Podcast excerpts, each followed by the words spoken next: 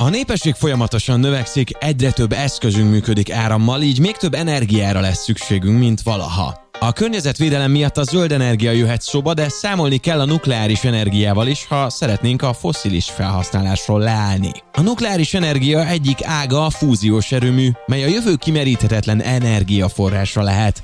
De lehet-e az? Vagy ez mind csak elmélet? Meddig jutottunk ebben a fejlődésben, és hol jöhet az áttörés? És nem utolsó sorban, mennyire veszélyes az, ha atomokat ütköztetünk? A magyar kutatók ebben is éle járnak, és több nemzetközi projektben is ott vagyunk, ezzel foglalkozunk a mai Refactben.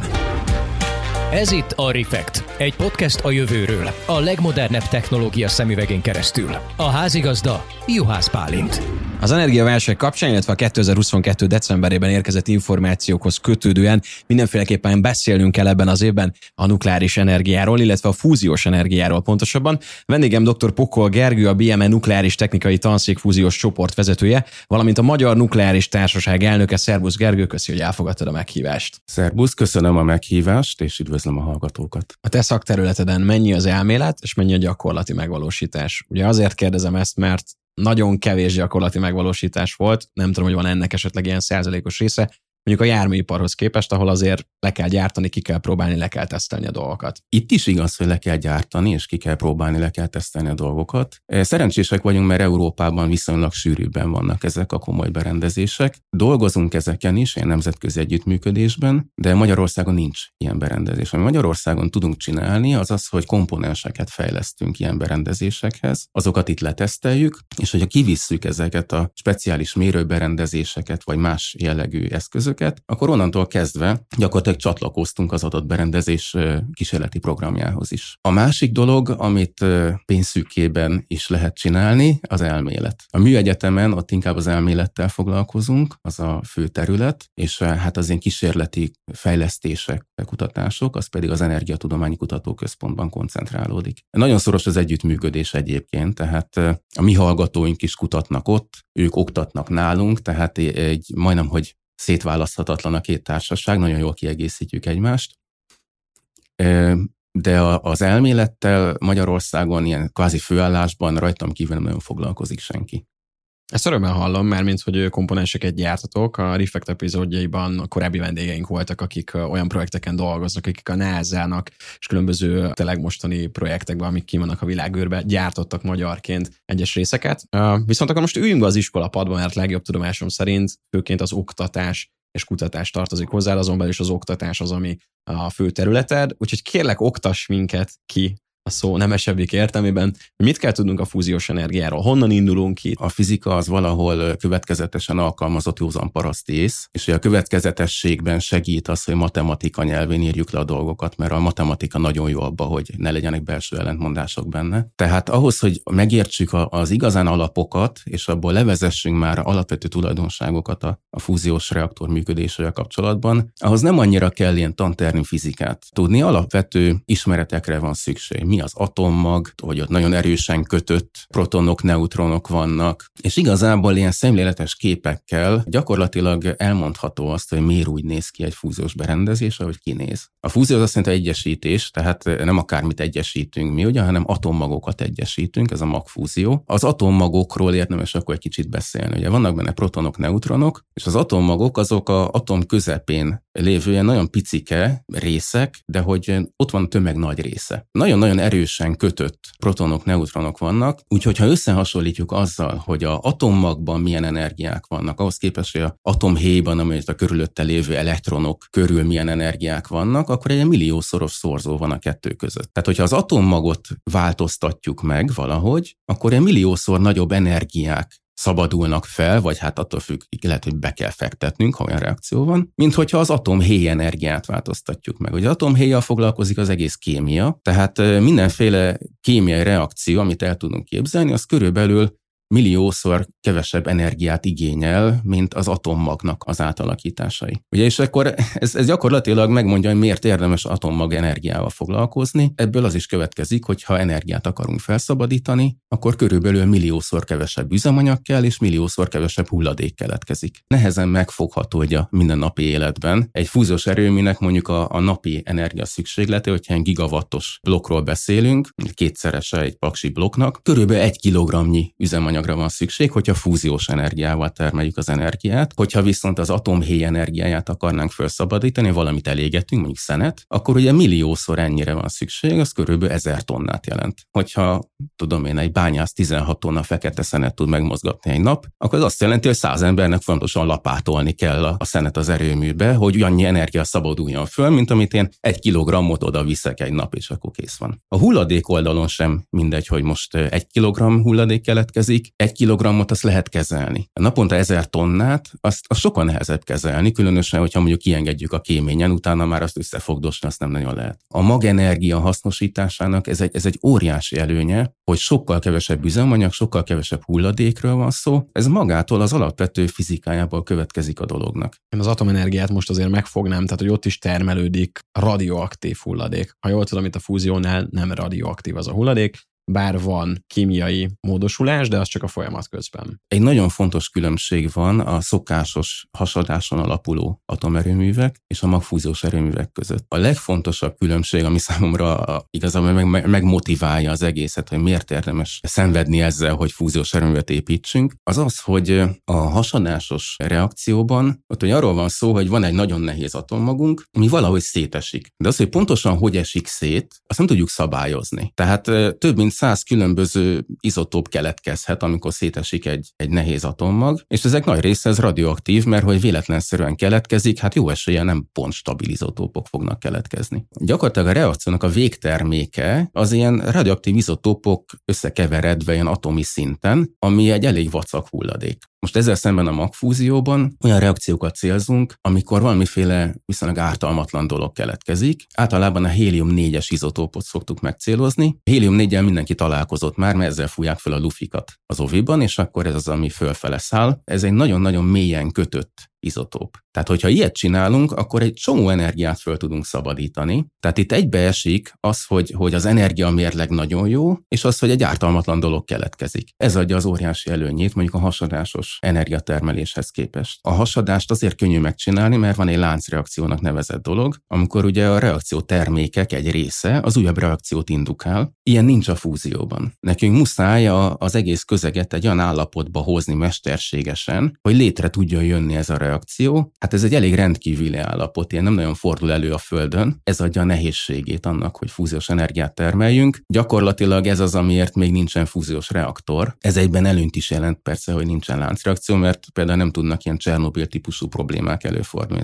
Csernobilban az történt, hogy megszaladt a láncreakció, kontrollálatlan lett, és akkor hirtelen sokkal nagyobb hő keletkezett, mint amit elbírt viselni az erőmű. Ilyen például a fúzióban nincs. Na de hogyan hozzuk állapotba? Mennyire biztonságos ez az állapotba hozás? Mert magának annak a körülménynek az előteremtése, mint hogyha mondjuk a napunkra gondolunk, ahhoz nagyon hideg kell, meg gondolom olyan speciális, nem tudom, légnyomás, vagy mik az összetevői annak, hogy elinduljon az a folyamat, amit szeretnénk elérni. Ez megint egy olyan érdekes kérdés, ami igazából eléggé megérthető, hogyha csak belegondol az ember, hogy a nehézségét az adja a dolognak, hogy könnyű atommagokat akarunk egyesíteni. De ugye az atommagok, azok tudjuk, hogy pozitív töltéssel rendelkeznek, elektromos töltéssel. Ezért, hogyha két atommagot megpróbálunk olyan közel nyomni egymáshoz, hogy a magerők elkezdjenek hatni, azok nagyon rövid hatótávolságú erők, akkor egyszerűen elektrostatikusan ezek taszítják egymást. És ezt az elektrostatikus taszítást, ezt igazából le kell valahogy győzni. Tehát ezeket az atommagokat olyan sebességgel kell egymás irányába lőni, hogy elég közel kerüljenek a taszítás ellenére, hogy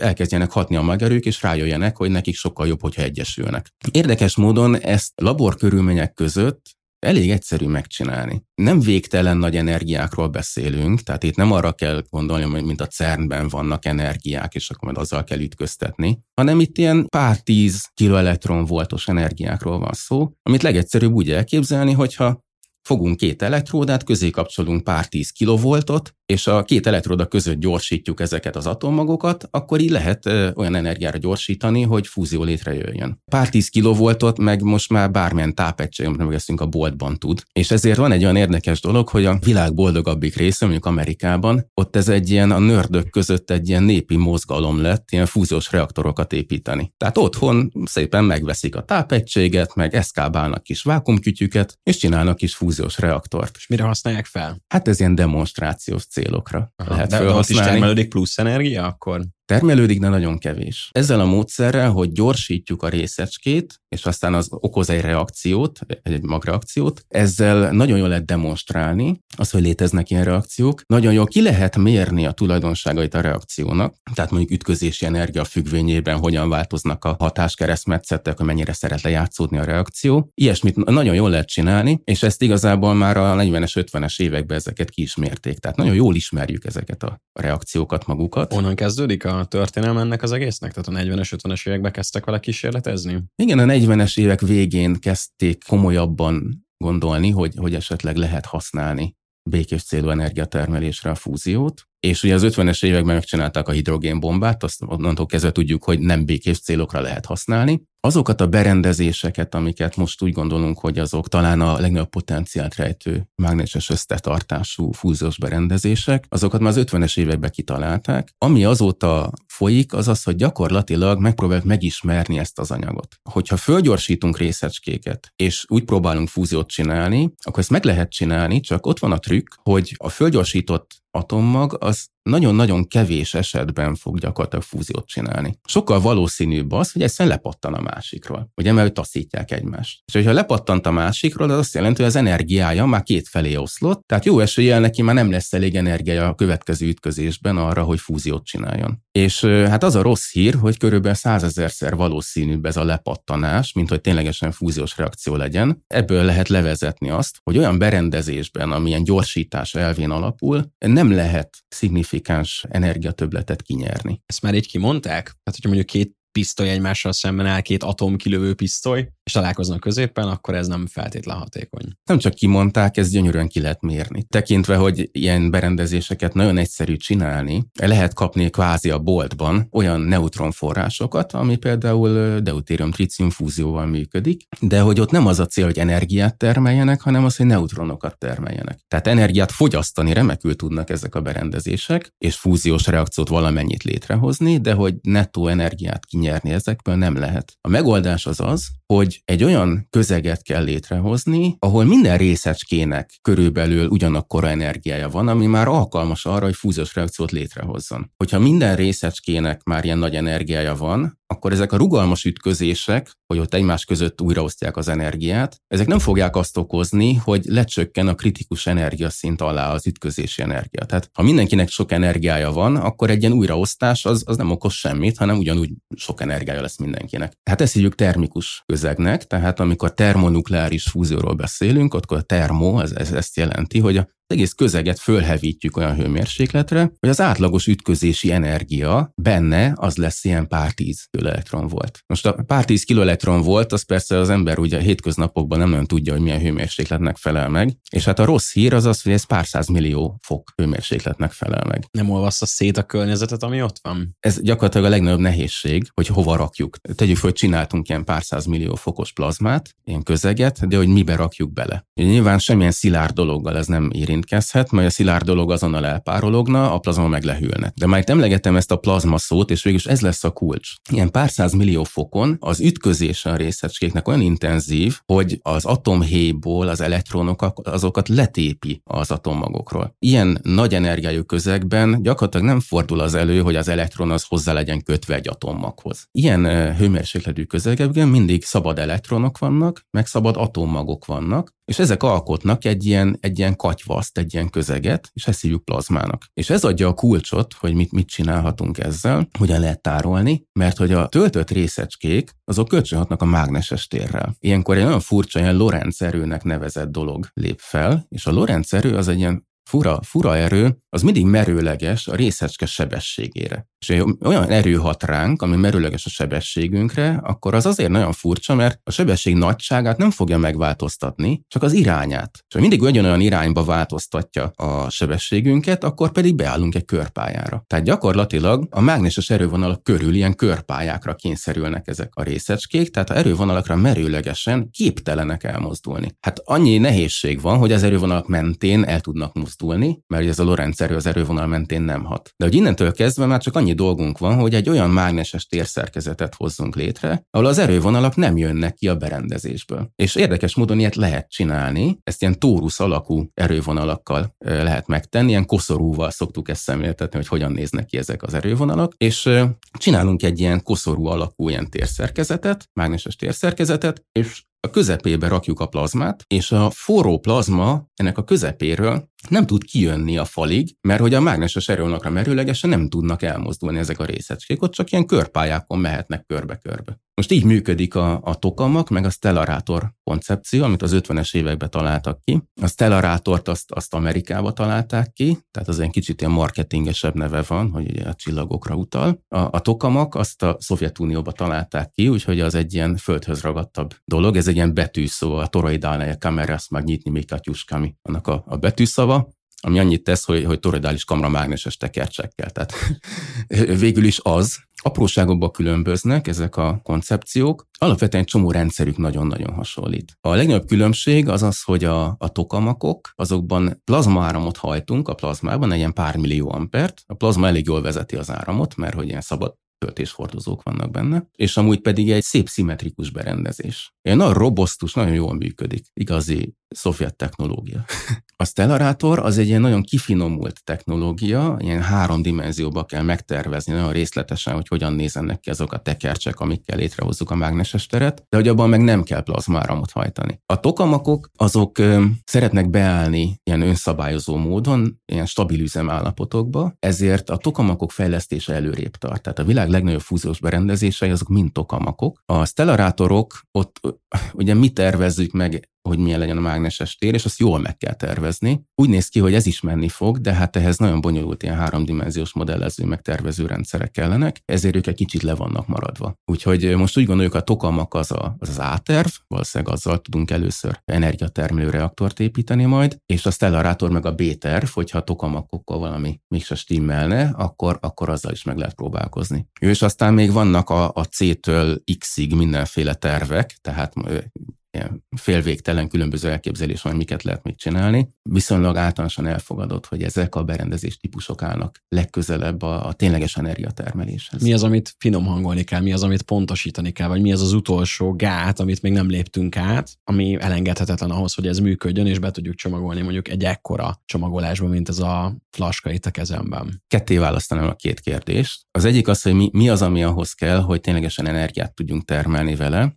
mert ezt ugye elég jól látjuk látjuk. A másik az, hogy ilyen flaska méretbe becsomagolni, ez teljesen science fiction egyelőre. Ehhez nem tudom, ilyen szuperbium anyagokat kéne felfedezni, amik, amik olyan dolgok, olyan tulajdonságokkal rendelkeznek, amit el sem tudunk most képzelni. Tehát, emberi észre mondjuk a következő pár évben mekkora méretű egy fúziós erőmű? A nehézségét az egész dolognak az adja, hogy ezt a 100 millió fokos plazmát, ezt meg kellett ismerni. Ez egy nagyon szép felfedező fizikai kísérletek sorozatából állt ez a fejlesztés. Itt voltak, akik úgy képzelték már az 50-es években, hogy úgy csak gyorsan összeeszkábalunk egy ilyen masinát, és begyújtjuk, és működni fog. De igazából amikor mi begyújtjuk ezeket a 100 millió fokos plazmákat, akkor magasan ez a, ezek a legmelegebb részei a, a naprendszerünknek. Tehát több mint tízszer olyan meleg van egy ilyen berendezésben, mint a nap közepében. Ezt meg kellett tanulni, hogy a közeg egyáltalán hogy viselkedik. Az amúgy nem veszélyes? Között. Meg hogyan, hogyan biztonságos? Ez még ami nagyon fontos. Ez úgy biztonságos, hogy ez megint egyben a nehézségét is adja a dolognak. Ugye a nyomás, amit össze kell tartani a mágneses térrel, az hőmérséklet szorozva sűrűség. Ugye nekünk a hőmérséklet az eszméletlen nagy, ezért hogyha ilyen emberi mértékkel értelmezhető nyomásokat akarunk összetartani, ilyen pár atmoszférát, akkor az azt jelenti, hogy eszméletlen kis sűrűségeket tudunk összetartani. Tehát ezek a mágneses összetartású berendezések, ezek gyakorlatilag vákumtechnikai berendezések, azon belül is a nagy vákum tartományba tartoznak. Tehát nagyon-nagyon kevés anyag van egy ilyen berendezésben. Egy ilyen gramnál kevesebb mennyiséget kell elképzelni egy nagyságrendű 100 köbméterre elosztva. Tehát nagyon forró, de nagyon kevés anyag van benne. Ezért, hogyha véletlenül valamit nem jól csinálunk, és kikenjük a plazmát a falra, akkor is hát lehet, hogy a fal egy lokálisan picit a felszíne megolvad, de hogy ettől a, a hőfluxustól ilyen nagy problémája nem lesz a szilárd anyagnak. Egy kicsit izgalmasabb az a kérdés, hogy mi történik az árammal, ami folyik egy ilyen plazmában. A stellárátorokban nincs semmi gond, mert nem folyik áram, a tokamakokban viszont folyik. Most, ami épül legnagyobb tokamak, a 15 megaamper, tehát 15 millió amper áram fog folyni a plazma gyűrűben, és hogyha véletlenül kikenjük a plazmát a falra, akkor nincs hol folyjon ez az áram. Az önindukció miatt ez, ez valahol folynia kell, mert nem, nem lehet nulla idő alatt lecsökkenteni egy áramot. Hát több helyen folyhat, egyrészt folyhat a berendezés falában, akkor a berendezés falának el kell viselni, hogy hirtelen óriási elektromágneses erők hatnak rá. Másrészt pedig hát esetleg létrejöhet egy ilyen relativisztikus elektronokból álló nyaláb, mint egy villám, vagy mit képzeljünk el oda? Hát inkább, mint egy gyorsítóba, mint egy, egy nagyon erős ciklotronba. Ott is ugye óriási energiákra föl lehet gyorsítani ilyen elektronyalábokat, és egy ilyen nyaláb is tud akár megaamperes áramot vinni. A ciklotronokban nem, ott, ott vértizadnak az emberek, hogy ilyen ampernél kisebb áramokat is tudjanak hajtani. Egy tokamakban, amikor összeomlik a plazma, ott egy ilyen megaamper környéki áram is létrejött. Nem szeretnénk azt, hogy ez szépen fókuszálva neki menjen a falnak, mert akkor ott azt elolvasztja, hanem szeretnénk ezt valahogy szépen lelassítani, elosztani, és erre mindenféle érdekes elképzelések vannak. Az egyik ilyen elképzelés az például, hogy hidrogénjeget lehet belőni. Pont a Energiatudományi Kutatóközpontban fejlesztenek ilyen berendezést, ami meg tud fagyasztani hidrogént, és akkor ezt ilyen légpuska elven tudják belőni a plazmába. Hát itt plazma nincsen Magyarországon, de, de ezt a fagy fogyasztást, meg a puska kilövést, azt tudják tanulmányozni. Körülbelül egy olyan, olyan 300-800 méter per szekundum, tehát ilyen rendes puskagójó sebességgel kell kilőni ezt a pelletet, hogy aztán a plazmába bejusson. Ez biztosítja azt, hogy ne sérüljön meg a fala a berendezésnek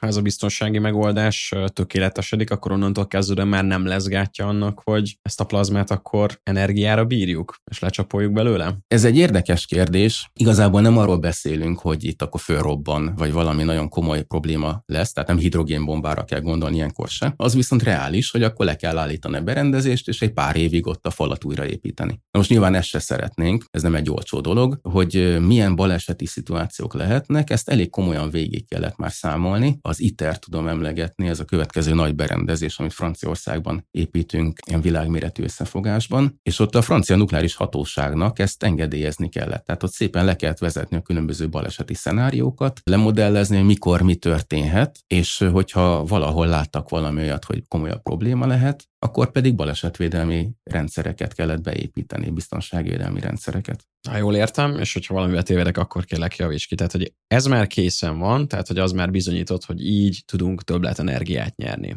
Már a földi körülmények között is. Most már csak akkor azt fejlesztitek, hogy hogyan legyen ez biztonságos, mert hogy a környezetre nézve nem környezetkárosító, az ember még azért ott van a faktorban, tehát hogy legyen biztonságos. Ez az utolsó akkor körülbelül, ami megakadályozza azt, hogy mondjuk gombamód szaporodjanak ezek a nukleáris erőművek a pénzen kívül. Nem egészen tartunk még itt sajnos. Ahol tartunk az az, hogy ma a legnagyobb működő berendezés, ugye az ITER-t azt csak építjük, de ami működik, az JET-nek hívják, Joint European Torus. Ez Kalemben van Angliában, ez Oxford mellett egy ilyen tanyaközpont, és ott van az ilyen összeurópai nagy berendezés, ahol hát a rekord az, hogy 16 megawatt fúziós teljesítmény már kijött belőle. Tehát ott ténylegesen meg tudják csinálni, hogy belerakják az üzemanyagot, ami jelen esetben deutérium meg trícium izotóp, ezek nehéz hidrogén izotópok. Ezeket mennyire könnyű beszerezni, vagy honnan lehet beszerezni? Elő kell állítani, vagy valahol előfordul? Deutériumot nagyon könnyű beszerezni, a nehéz vízben ez van. Nehéz vizet meg, meg gyakorlatilag tonna számra tudtak már a második világháború alatt meg előtt is előállítani. Tengervízben minden hatezredik hidrogén hidrogén atommag az deutérium körülbelül. A tricium az már érdekesebb, a tricium azt szokták ilyen szuper nehéz hidrogénnek is hívni, azért mert ugye a hidrogénben általában egy proton van csak, ez a legegyszerűbb atommag, ami létezik. A deutériumban van egy proton meg egy neutron, az ugye kétszer olyan nehéz, de még mindig ugye egyszeresen pozitívan töltött, tehát a kémiája ugyanaz, mint a hidrogénnek. A triciumban meg már két neutron van egy proton mellett. De két neutron egy protonhoz az igazából sok. Tehát a, a, a tricium ő szeret elbomlani körülbelül 12 és fél év felezési idővel elbomlik hélium-3-má. Aminek ilyen viszonylag rövid felezési ideje van, az biztos, hogy nem fog a természetben nagy számban előfordulni. Tritiumot lehet csinálni akkor, hogyha van neutronunk, és érdekes módon a deutérium-tritium fúzióból pont kijön egy neutron. Hát ezt a neutront felhasználva litiumból lehet tritiumot tenyészteni. Most az az elképzelés, hogyha energiatermelő reaktort csinálunk, abba végül is deutérium, meg lítium fog bemenni üzemanyagként, és a végtermék az pedig hélium 4 lesz. Tehát az, az, az amivel ulufit lehet fújni, az az izotóp. A lítiumból pedig van sok. Hányszorosát tudjuk kinyerni? Erre így van konkrét mérőszám, vagy akkor ez mindig változik attól függ, hogy hogyan ütköztetjük őket. Egységnyi befektetett energia, amit belerakunk, az hogy jön ki a másik oldalon, vagy nem tudom, két és félszer, vagy 16-szor annyi lesz belőle. A mágneses összetartású fúziós berendezésekben az a szép, hogy ezek folytonos üzemmódban tudnának működni. Az egészet úgy tervezzük, hogy kis sűrűséggel, de folytonos üzemmódba menjenek ezek a dolgok. Ha folytonos üzemmódban tud menni, akkor ez megint csak nem csak elmélet, hanem kimutatott effektus, hogy a fúzióban keletkező hélium-4 részecskének, atommagnak óriási energiája van. És mivel ez is elektromosan töltött, ezért ez is benn marad a plazmában, és ütközik a többiekkel. Át tudja adni az ő óriási energiáját, ami a fúzióban keletkezett, a többi üzemanyag részecskének, deutérium tritium atommagoknak, és így fűteni tudja a plazmát. Ezt hívják alfa részecske fűtésnek, és ezt megint a jeten abszolút jól lehetett már demonstrálni. És így elképzelhető az, hogy gyakorlatilag a fűtését a plazmának ki tudjuk kapcsolni, mert a fúzió maga fűti a plazmát. Ez még nem jelenti azt, hogy semmiféle energia nem kell a berendezés működtetéséhez, de a plazma fűtéséhez nem kell. Amihez kell energia, biztos, az a mágneses tér fenntartása. A jet az még egy résztekercses berendezés, ugye résztekercsel nagyon erős mágneseket lehet csinálni, csak a résznek van azért egy elektromos ellenállása. Amikor maximális mágneses téren megy a jet, akkor körülbelül 500 megawattot fogyasztanak a tekercsek. Most a 500 megawattal két gond van. Egyik az, hogy az nagyon sok. Az azért elég rendesen keresztbe tesz annak, hogy itt valaha pozitív energiamérleg legyen. Annyit mondtál Pakshoz, nem? az egy paksi blokknak a teljesítménye. A másik ilyen probléma pedig az, hogy ezek vízhűtött tekercsek, de 500 megawattot ekkora térfogatban nem lehet elhűteni. Tehát ezeket a tekercseket egy, egy fél percig lehet így üzemeltetni, aztán le kell állítani, mert különben elolvadnának. A jövő berendezéseiben muszáj vagyunk valamilyen más tekercsrendszert használni, aminek nincs ilyen elektromos ellenállása, és hát ilyenek a szupravezetők. Az ITER is, ami most épül, meg már van egy pár ilyen kisebb berendezés, amik szupravezető tekercseket használnak. A szupravezetőnek az az előnye, hogy nincsen elektromos ellenállása, tehát innentől kezdve nincs gond azzal, hogy a mágneses tér fenntartása sok energiába kerülne, viszont ezek csak hidegben működnek. Most amilyen szupravezetőket használunk jelenleg, azok olyan 4 Kelvin hőmérsékleten működnek, ugye ez körülbelül olyan mínusz 269 Celsius fok környékén van, tehát egész közel a abszolút nullához. A folyékony héliummal lehet hűteni ezeket a a tekercsrendszereket, hát muszáj őket ilyen alacsony hőmérsékleten tartani. És igazából ez az, amiért nagyon-nagyon nehéz kicsi berendezést is csinálni, ez az egyik ok, hogy ugye középen van a, a pár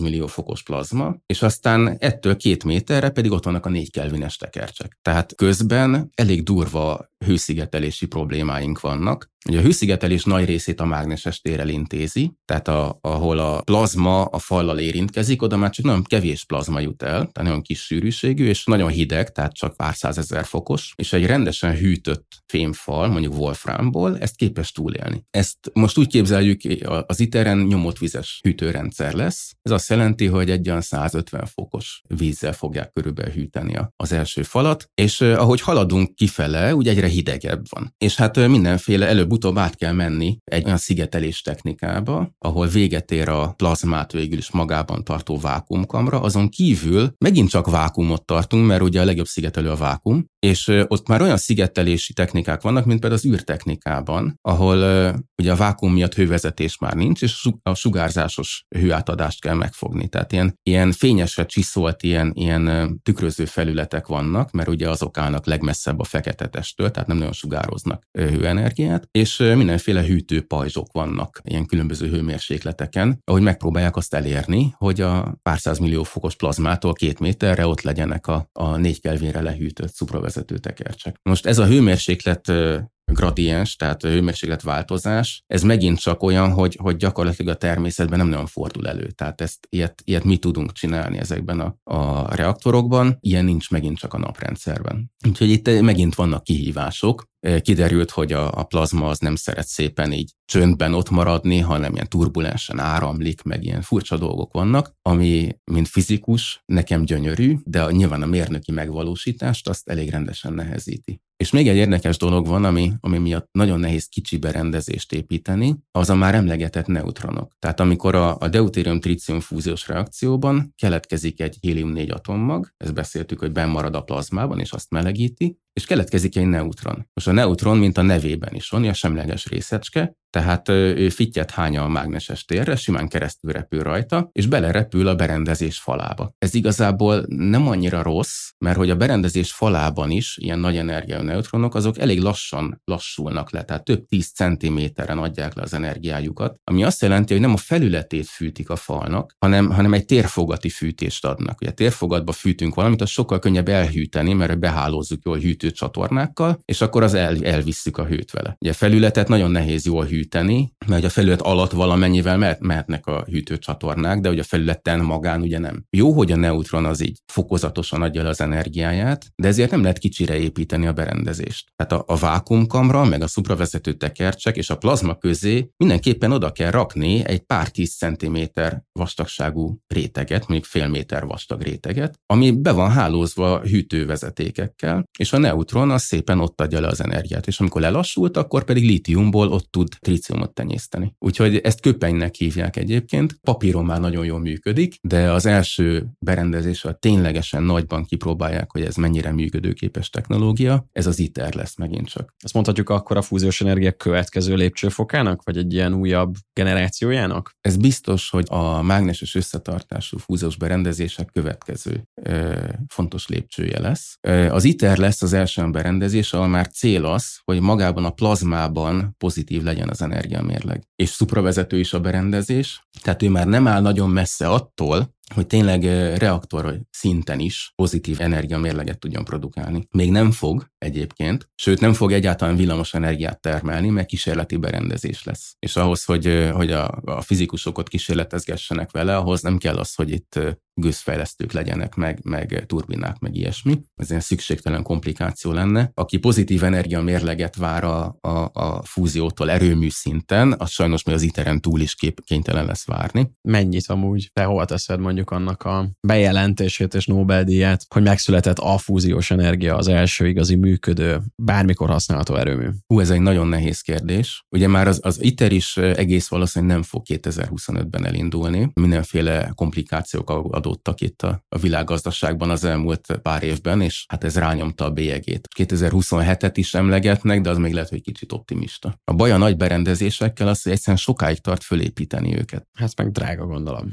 Drága is, de, de még sokkal nagyobb baj az, hogy sokáig tart. Tehát egyszerűen az, ami köt a beton, ott vannak ilyen technológiai idők. Tehát az ITER-nek az épületét az 10 évig építették. Mert az a 70 ezer tonna vasbeton, ami benne van, az, az meg kellett kössön rendesen, tehát ott nem lehet lehetett nagyon variálni ezzel. Ha nem tudunk kis berendezést építeni, akkor a fejlesztésnek a ciklus ideje az mindenképp hosszú lesz. Van a világon kb. 30 magáncég, mindegyiknek az a programja, hogy gyorsabban megcsináljuk a fúziós energiatermelést. Ezek közül van egy részük, aki nem annyira komoly, mert, mondjuk valamilyen régi ötletet fölmelegítve próbál újra fúziót létrehozni, ami energiát termel, de van egy pár komolyan vehető cég is. És a komolyan vehető cégek nagy része úgy szeretné fölgyorsítani ezt a energiatermelő reaktor felé a fejlesztési ciklusokat, hogy nagyobb erősségű mágneses teret használ. Ezt úgy tudják megcsinálni, hogy teljesen más mágneseket használnak, mint amivel most építettünk már berendezéseket, mint amivel az ITER is épül. Ők úgynevezett magas hőmérsékletű szupravezetőket próbálnak használni, amiknek érdekes módon nem az az óriási előnye, hogy magasabb hőmérsékleten is szupravezetnek, hanem inkább azt használjuk ki, hogy nagyon mágneses teret bírnak.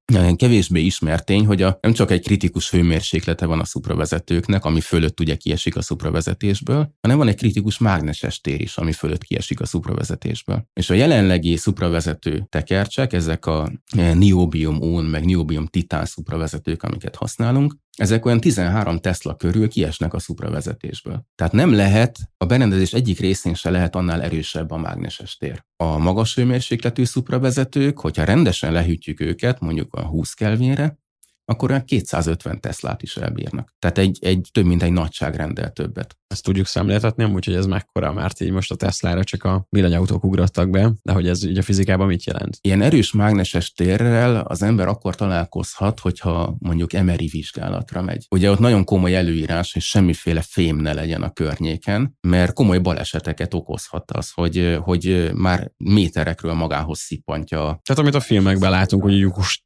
igen, pontosan. Na most ilyenek a fúziós berendezések is. Egyik mérnök kollega járt úgy, épített be egy mérőrendszert egy ilyen szupravezető tokamagba, és nem tudta, hogy föl van kapcsolva a mágneses tér. A villáskulcsot letette, és méterekre a berendezést. A villáskulcs az egyenletes gyorsulás elején indult a berendezés felé. Még, még hogy el tudta kapni. Ezek már olyan mágneses terek, ahol tényleg a, az embernek észnél kell lenni, hogy mit rak a közelébe. Nyilván, hogyha üzemeltetjük ezeket a, a berendezéseket, akkor általában nem szabad a közelébe sem menni tenni. Az a mágneses tér milyen hatással van amúgy az emberi szervezetre? Ekkora mágneses tér igazából nagyon rossz hatással nincs, sőt, hogy élő állatokat tettek erősebb mágneses térbe is, tehát ilyen pár tíz teszlás mágneses terekbe is. Itt ilyen furcsa dolgok történhetnek, hogy a víz az egy kicsit diamágneses, és akkor lehet lebegtetni, vagy van ilyen kísérlet, hogy lebegtettek egy békát mágneses térrel. És hát a béka nyilván furcsán érezte magát, mert ilyen súlytalannak érezte magát, de hogy semmi élettani hatást nagyon nem tudtak megfigyelni, de nyilván itt is azért ilyen konzervatívan közelítjük meg ezt a dolgot, tehát ha nem muszáj, nem rakunk nagy mágneses térbe embereket, de hogy ezeknél a berendezéseknél ugye erről, erről amúgy se lenne szó, hiszen maga a neutron árnyékolás miatt is, hogyha működnek a berendezések, ember oda nem lehet a közelébe. Ugye ecseteltem azt, hogy mennyire tiszta ez az energiatermelés,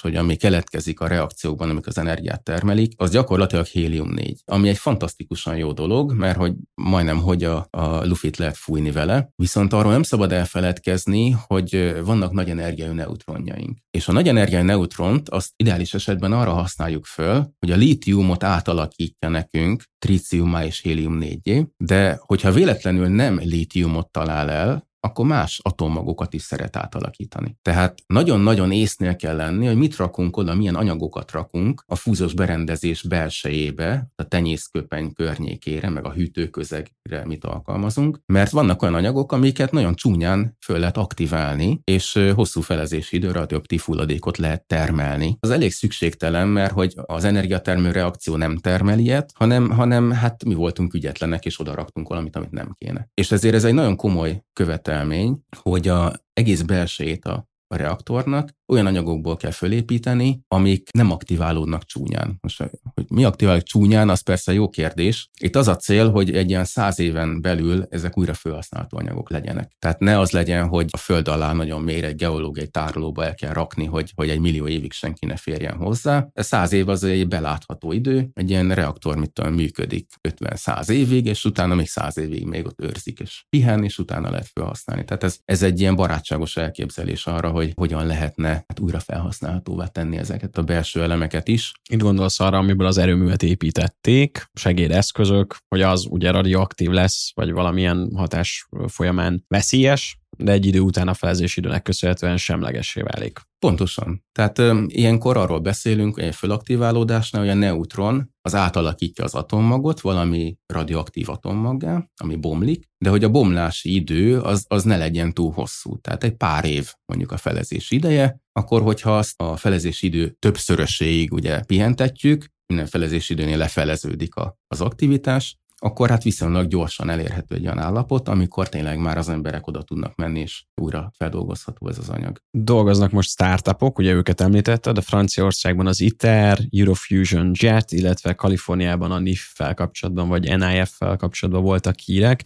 Hát ezek most a legfontosabb kutatóközpontok a jelenben és a jövőben, de hogy mondjuk mi kézzel foghatóan, akkor nem egy flaska vagy egy kulacs méretében, de hogy mondjuk emberi felhasználásra mondjuk áram jöjjön belőle. Arra tudsz mondani bármilyen évszámot, vagy ez is még ilyen 2100 valamennyi lesz? Igen, ez egy nagyon jó kérdés. És akkor itt bocsánat, bekapcsolom az űrhajókat is, hiszen ugye a legnagyobb dolog, amiért erre vágyunk talán, nem csak az, hogy a foszilis energiát pótoljuk, hanem hogy valahogy eljussunk egyszer a Marsra. Itt sok ember nagyon sokféle dolgot tudna mondani erre a kérdésre. Ugye ilyen startupokat kérdezünk, és éppen pénzt gyűjtenek a világ milliárdosaitól, akkor ők képesek ilyen öt éveket is mondani. De most ezek nem szoktak bejönni, tehát régóta vannak ilyen startupok, és, és egyiknek se jött még be az öt év, mert hogy amúgy már akkor lenne fúziós energiatermelő reaktor. Az abszolút konzervatív elképzelés, amit az Európai Fúziós Úti Terv ír le, az az, hogy az ITER-t azt üzembe kell helyezni, és aztán az ITER-hez hasonló reaktort, hogyha kicsit nagyobbra építjük, az már tényleg alkalmas arra, hogy energiát termeljen. Most ezt demónak hívják, demonstrációs erőműnek. Ugye ahhoz, hogy legyen egy ilyen terv, az mindenképpen szükséges volt ahhoz, hogy az Európai Unió az rendesen támogassa a fúziós kutatásokat. Tehát nem lehetett csak úgy a világba kutatni, hanem valami terv kellett ahhoz, hogy hogy lesz ez aztán hasznosítva. De ez ezek nagyon konzervatív elképzelések. Tehát ebben még semmi nincs beépítve abból, például, hogy, hogy a magas hőmérsékletű szupravezetőkből úgy néz ki, hogy tényleg lehet ilyen tekercseket építeni, amiket használni lehet fúziós erőművekben majd. Ez a konzervatív terv, ez azt mondja, hogy valamikor az 50-es években lehet először energiatermelő reaktor. Hát annyira okosak voltak azért, hogy nincs ez így kőbevésve, tehát vannak ilyen felülvizsgálati pontok, és biztos vagyok benne, hogy, hogy a következő felülvizsgálati pontnál be fog jönni az, hogy már léteznek magas hőmérsékletű szupravezető tekercsek, mivel esetleg kicsit kisebben meg lehet csinálni a berendezést. Most a kicsit kisebben meg lehet csinálni, az, az simán egy öt évet jelenthet az építés idejében. És mekkorák ezek a központok? A föld alatt vagy föld felett? Ezek méretben és komplexitásban egy atomerőműhöz hasonlíthatóak. Hát komplexitásban egy kicsit bonyolultabbak. Az ITER, ami ugye Franciaországban épül, az olyan 100 hektáros területen fekszik, aminek egyébként a körülbelül egy harmada az a nagy feszültségű kapcsolóudvar. Tehát ők ott azt találták ki, hogy termelni nem fog még villamos energiát, de ami fogyasztani fog rendesen, és ők egyszerűen rákötötték a francia elektromos hálózatra, de hát ez a 400 kV-os hálózatot jelenti, és akkor a 400 kV-ból, hogy hogy csinálnak olyan áramot, amivel aztán a tekercseket tudják táplálni, hát ez, ez körülbelül egy olyan 50 hektárt el is foglal a 100 hektárból. Nem kicsik ezek a berendezések, de hogyha azt nézzük, hogy ilyen gigawattos elektromos teljesítményben gondolkozunk, az tényleg az, az egy nagyobb atomerőművi blokknak megfelelő teljesítmény, és azoknál nem sokkal nagyobb az erőmű terv, amit most elképzelünk. Nyilván ez, ez még sokat fog alakulni, hogy pontosan milyen erőművet építünk meg. 2030 előtt biztos nem kezdünk erőművet építeni. Van, aki nagyon optimista, és azt mondja, hogy fog, fog erőművet építeni. Most a Egyesült Királyságban is van ilyen program, hogy, hogy ők szeretnének előbb hálózatra energiát termelni. Hát ez, ezek mind rizikósabb tervek. Hát a, amit az Európai Unió megvet kvázi, a fúziósoktól, hogy az biztos, hogy működik. Én úgy gondolom, hogy ez tényleg biztos, hogy működni fog, mert az annyira konzervatív, de hogy vannak mindenféle elképzelések, hogy hogyan lehetne gyorsítani ezen a dolgon, és hát meglátjuk, hogy az Egyesült Királyságban mennyire sikerült. STEP-nek hívják ezt a, a programot. Hát ők már konkrétan kijelölték, hogy hova építik a, a fúziós erőművüket. Még nem kezdték az alapokat ásni, ha jól tudom, de nagyon lendületben vannak. Ott az egy kicsit rizikósabb, hogy mi lesz, ha bekapcsolják, hogy fog-e működni, nem fog működni. Most valószínűleg nagy bajt nem tudnak csinálni, mert ezek a mágneses összetartású berendezések a nagyon kevés anyag miatt, ami egyszerre benne van a reakciótérben, ezek az elég biztonságosak. Itt említetted a, a, a NIF-et, ezt a ugye teljes neve National Ignition Facility. Ez egy teljesen más elképzelés. Ez Amerikában van leginkább, ez, ez, ez kutatva ez az elképzelés. Ők nem mágneses térrel tartják össze a híg plazmát, ilyen folytonos üzemmódba, hanem egyszerűen csinálnak egy mikrorobbantást. Tehát ez olyan, mint egy mini hidrogénbomba, csak a hidrogénbombával az a kellemetlen dolog van, hogy nagyban sokkal könnyebb megcsinálni, mint kicsiben. És hogyha olyan piciben akarnak, olyan picit akarnak robbantani, hogy körülötte a város túléli, meg esetleg még az erőmű is, amiben robbantanak, akkor ilyen mikroszkopikus mennyiségű anyagot lehet abba belerakni. És hogyha egy mikroszkopikus mennyiségű anyag, az hát keletkezik benne fúzió, egy csomó energia, és akkor így, így szana szétszáll, az nagyon gyorsan szana szétszáll, ugye mert kicsik a méretek. Ezért nagyon nagy sűrűségre kell összenyomni, ahhoz, hogy legyen ideje a reakciónak lejátszódni. Ugye a reakciósebesség a sűrűség nézetével megy, mert hogy a reakciósebesség arányos a deutérium sűrűséggel, meg arányos a trícium sűrűséggel is, és a ilyen fele-fele arányú deutérium tritium keverékbe, ez azt jelenti, hogy a sűrűség négyzetével megy a reakciós sebesség. Tehát, hogyha elég sűrűre összenyomják ezt az anyagot, akkor akármilyen picike is le tud játszódni a reakció. Na most, hogyha kiszámoljuk, hogy milyen sűrűre kell összenyomni, akkor az jön ki, hogy a folyékony sűrűség, folyadék sűrűségnek körülbelül a pár százszorosára kell összenyomni ezt az anyagot. Na most ezt, ezt megint ugye a, a középiskolás tanulmányokban úgy tanuljuk, a folyadékok azok összenyomhatatlanok. Hát itt, itt nyilván ebben a közelítésben nem, de hogy nem könnyű őket összenyomni. Ugye az ember, mikor medencében megpróbál vizet összenyomni, akkor nem az fog történni, hogy összenyomja a vizet, hanem kispriccel valahol. Na most ezzel küzdöttek a National Ignition Facility-ben is évekig, hogy lézerekkel nyomták össze ezt az anyagot, és mindig kispriccelt valahol. És most idén ősszel sikerült először egy olyan kísérletsorozatot elérniük, ahol körülbelül az történt, amit a modellek mutattak. Tehát nem spriccelt ki jobban az anyag, mint amit a szimulációk számoltak. Ez egy óriási tudományos áttörés volt egyébként nekik. Úgy általában a, a nagy sűrűségű forró plazmák fizikájában is egy nagy tudományos áttörés, hogy reprodukálhatóan tudták produkálni az elméleti számításokat kísérletekkel. Most a gyakorlati jelentőség ennek mi? Ez érdekes, mert itt mindenfélét mondott a sajtó. A hivatalos bejelentésben két dolgot emeltek ki. A kutatók elsősorban ezt emelték ki, hogy végre reprodukálható lett egy kísérlet, és egyezés mutat az elmélettel, és ez milyen szép dolog. Akik meg ugye az igazgatók és a pénzt gyűjtik, ők meg azt emelték ki, hogy milyen jó, mert így, így most már ellenőrizni tudják, validálni tudják azokat a kódokat, amivel a hidrogénbombák működését számolják. Tehát ugye kultúrember nem nagyon robbant hidrogénbombát most már, de, de valahogy mégiscsak a fejlesztésekhez kell tudni, hogy hogy működnek. És ennek a labornak az egyik dedikált feladata az volt, hogy ennek a fizikáját, ezt, ezt ellenőrizzék le, hogy jól számoljuk hogy hogyan működik a hidrogénbomba, és úgy néz ki, hogy most akkor jól, jól tudták számolni. Tehát ez a, az amerikai atomfegyver karbantartóknak ez ez egy nagyon komoly gyakorlati jelentőséggel bíró eredmény is volt. És ez a lézeres fúziós berendezés, ez lehet ugyancsak egy ilyen iránya, annak, amit mondjuk említettél, hogy 2025 körül megépül, a francia ITER, vagy hogy ez teljesen másra lesz jó? Tehát, hogy ez mondjuk energiát nem fog termelni, ez most csak egy ilyen bizonyítási vágy volt. Az ITER az, az teljesen más elven működik. Az ez a békés, folyamatos működésű,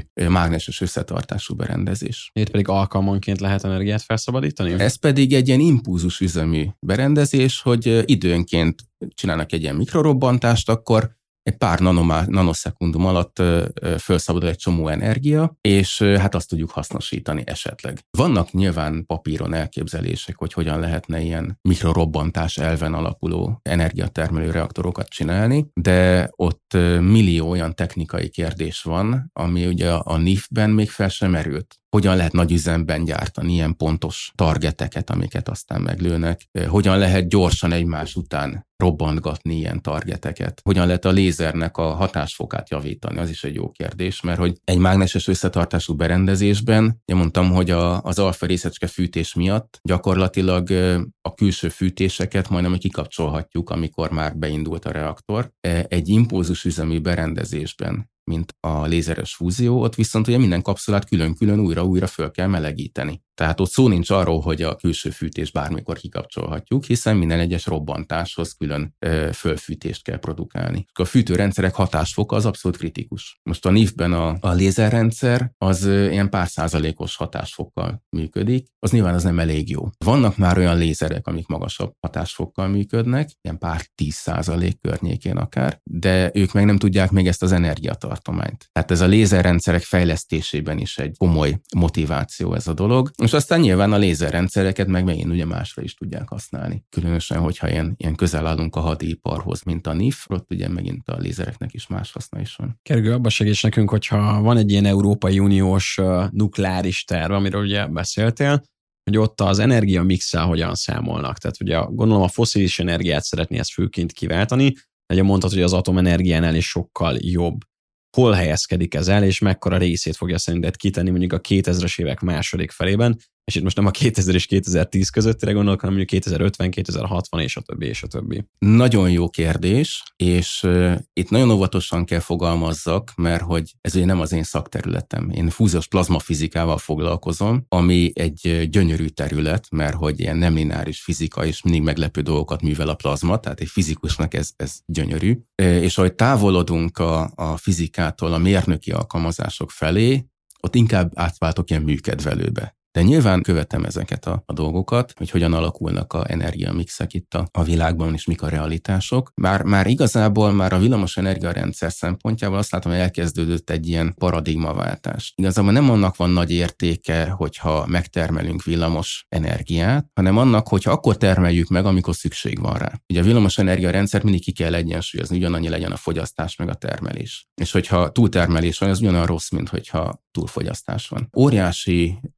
értéke van, és lesz még sokan a értéke az ilyen kiegyenlítő kapacitásoknak, amiket akaratunk szerint ki be lehet kapcsolni. Hogy a fúzió mennyire lesz alkalmas ilyen kiegyenlítő kapacitásnak, az egy jó kérdés. Sokkal nagyobb esélye van rá, mint a hasadásos erőműveknél. A hasadásos erőműveknél ott egyszerűen magfizikai, reaktorfizikai folyamatok vannak, amiknek ilyen 10 órás időskálája van. És hogyha a 10 órás időskálánál gyorsabban rángatjuk a teljesítményt, akkor az nagyon megnehezíti a dolgokat. A, a fúziós plazmában az időskála azok minden másodperc alatti időskálák. Tehát viszonylag gyorsan le lehet állítani, gyorsan el lehet indítani. Ugyanakkor, hogyha, hogyha nagyon nagy a, a blokk méretünk, egy óriási ipari berendezésről beszélünk, akkor lelassul ez az egész folyamat. Hogyha kisebb berendezést tudnánk építeni, az segíthetni azt is, hogy a, a szabályozási funkcióiban a villamos energiarendszernek ez, ez jobban részt tudna venni egy ilyen erőmű. Az, hogy hogyan fog illeszkedni egy 20-30 év múlva, amikor ténylegesen használatba kerülhet ez a technológia, az akkori villamos energiarendszerbe, ezt nagyon nehéz megmondani, mert abban, hogy hogy fog kinézni akkor a villamos energiarendszer, abban is óriási bizonytalanságok vannak, és abban is, hogy a ténylegesen megvalósítható fúziós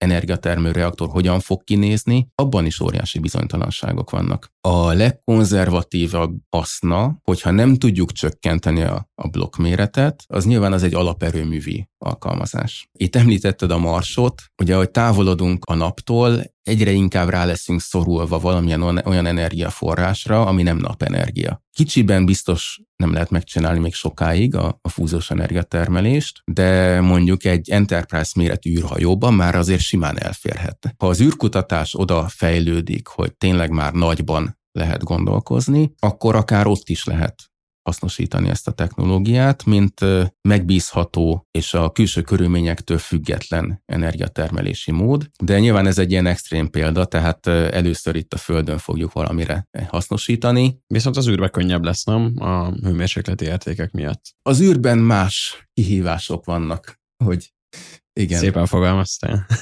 három dolgot szeretnék összeszedetni veled a végére, tehát három tipre vágyom így a nukleáris energiával, a fúziós energiával kapcsolatban, akár amit tévhitként él bennünk, akár amit így mindenféleképpen, akár az előadásaid, oktatói munkád végén beleszoktál így a fiatalok, illetve a hallgatók fejébe nyomni. Mi az a három dolog, aminek eszünkbe kell jutni a fúziós energiával kapcsolatban? Az első, ami szerintem a legfontosabb, óriási potenciál van benne. Tehát nagyon kevés anyagból, nagyon kevés hulladékkal, nagyon sok energiát tudunk előállítani jól szabályozható módon. Én úgy gondolom, az emberiségnek erre mindig szüksége lesz. Én akkor is boldogan kutatok ezen a területen, hogyha 20 év múlva lesz először reaktor, meg akkor is a 200 év múlva lesz. Mert nem tud rosszkor jönni ez a technológia. A másik fontos dolog, hogy hogy óvatosan kell kezelni az ilyen optimista jóslatokat. Különösen ilyen startup cégek, azok nagyon szeretnek abból élni, hogy ők öt év múlva megcsinálják a fúzós reaktorokat, de ők nem szokták öt év múlva megcsinálni, mert akkor már lenne. Egyszerűen a dolog fizikája olyan, hogy kicsiben nagyon nehéz megcsinálni, ami meg nagy, az sokáig tart kifejleszteni. Nem szabad túlságosan biztosan azt hinni, hogy itt 10-20 év múlva már minden a fúziós reaktorok lesznek, és majd a globális felmelegedést például ezzel oldjuk meg, hogy a fosziliseket ezzel kiváltjuk. Ha a globális felmelegedést tényleg meg akarjuk fogni, akkor azt jobb lenne egy olyan technológiával megfogni, ami már most létezik. És erre mondjuk tökéletesen alkalmas a hasadásos reaktorok technológiája. Egy harmadik érdekes dolog, mindig a szemünkre vetik azt, hogy hát mindig 30 évet mondanak, hogy a fúzióig 30 év van hátra, Ezért is nem szeretek konkrét időpontokat mondani, hogy mikor lesz. Mert itt szó nincs arról, hogy ne történtek volna óriási előrelépések az elmúlt 50-60-70 évben. Tehát az anyagnak egy olyan állapotát ismertük meg, és tanultuk meg kontrollálni, ami a naprendszerben nem fordul elő. Ez egy óriási tanulási folyamat volt, és nagyon jól haladtunk vele. Voltak hát negatív meglepetések, voltak pozitív meglepetések. Ennek olyan érdekes fizikája van, hogy mindig hozott valami újat, új felfedezést az anyag alapvető viselkedésével kapcsolatos új felfedezés volt. Tehát itt, itt szó nincs arról, hogy itt ez egy technológiai fejlesztés lenne, amit az ember betábláz, hogy akkor mikor milyen lépések lesznek, és akkor, hogyha nem érünk időben a végére, akkor elrontottuk. Itt közben komoly felfedezések voltak. A fizikáját most elég jól értjük már ennek a dolognak. Tényleg abban a tartományban vagyunk már, ahol energiatermelő közegeket kell elképzelni, tehát a plazmát már föl tudjuk hevíteni olyan fokra, már tényleg tudunk fúziót csinálni, csinálni benne, és ott tényleg olyan folyamatok játszódnak le, amit mi most már ki tudunk számolni. Idézőjelben csak a mérnöki oldalát kell megcsinálni a dolognak. De hogy a, a mérnöki oldala az megint végtelen kihívást rejt. Olyan komplex szempontrendszer van, ugye egy, egy nagy neutrontérben óriási hőterhelések mellett nagyon speciálisan megválasztott anyagokból próbáljuk fölépíteni ezeket a berendezéseket. Mérnökök hada dolgozik azon, hogy megoldhatóak legyenek ezek a kérdések. A kriogenikus mérnök az együtt kell működjön az anyagtudóssal, hát nem is tudom, villamosmérnöknek lehet-e hívni egyáltalán azt, aki ilyen megaamperekkel foglalkozik, az is annyira speciális technológia. Mérnökök hadával kell együtt dolgozni azon, hogy abból valami megvalósítható dolog kisüljön. Ez a fiatal mérnököket is nagyon vonza, mert rendkívül sok kihívás van ebben a, ezen a területen, és nagyon sokat lehet tanulni. Egyébként erre egy, egy példa a hidrogén pelletbelövő rendszer, amit az Energiatudományi Kutatóközpontban most fejlesztettek, hogy hogyan kell hidrogént megfagyasztani. Itt is teljesen alapvető fizikai kérdések is előjönnek. Kollégáknak a, a sikerét nagyrészt az okozta, hogy egy nagyon finoman kontrollálható szabályozó rendszert építettek föl, az iparból vették a különböző szabályozási technológiákat, és ezért egy reprodukálható kísérlet sorozatot sikerült létrehozni. Ilyen peletek fagyasztásával például az Ókrisben az amerikaiak foglalkoznak már tíz éve, és ők nekik nem sikerült ekkorát lefagyasztani, és valószínűleg azért, mert nem volt ennyire finom szabályozó rendszer mögé rakva, és nem tudták ennyire reprodukálni a, az eredményeiket. A mérnöki tudást kell egy olyan környezetben alkalmazni, ami hát nem a szokványos alkalmazása az ilyen mérnöki tudományoknak, de abszolút megkerülhetetlen az, hogy a, a mérnöki tudományok javát próbáljuk belevinni ezekbe a, a rendszerekbe, hogy, hogy amit már tényleg tudunk más területekről, legalább azzal ne legyen gond, és ami pedig ténylegesen egy unikális új technológia, hát az pedig eh, mindenféle prototípus fejlesztésekkel, meg kísérletekkel ki kell kísérletezni, hogy, hogy azok működjenek jó hír és jó hallani azt, hogy akkor a magyar szakértelem és a magyar mérnökök is ott vannak az európai összefogásban, ami meg a következő lépcsőfoka lesz a fúziós energiának. Dr. Pokol Gergő, nagyon szépen köszönöm, hogy itt voltál velünk, a BME Nukleáris Technika tanszékének fúziós csoportvezetője, illetve a Magyar Nukleáris Társaság elnöke vagy, és hát akkor a következő évekre is mit szoktak kívánni egymásnak a fizikusok? Sok ütköztetést? Hát, Vagy jó plazmát? Sok magas hőmérsékletű plazmát, azt lehet kívánni. Akkor azt kívánunk neked. Köszönjük, hogy itt voltál. Köszönöm a meghívást. A Rifek podcastet pedig keressétek továbbra is a Spotify-on, illetve az Apple Podcastben. Kérlek, értékeljetek bennünket, annál jobb helyezésünk lesz, és hogyha tetszik, amit csinálunk, akkor a follow gombra is nyomjatok rá. Két hét múlva csütörtökön érkezünk. Addig is mindenkinek minden jót! Ez volt a Refekt, Juhász Bálintal. További tartalmakért, epizódokért keres bennünket a Spotify-on, az Apple Podcast-ben és a további podcast platformokon.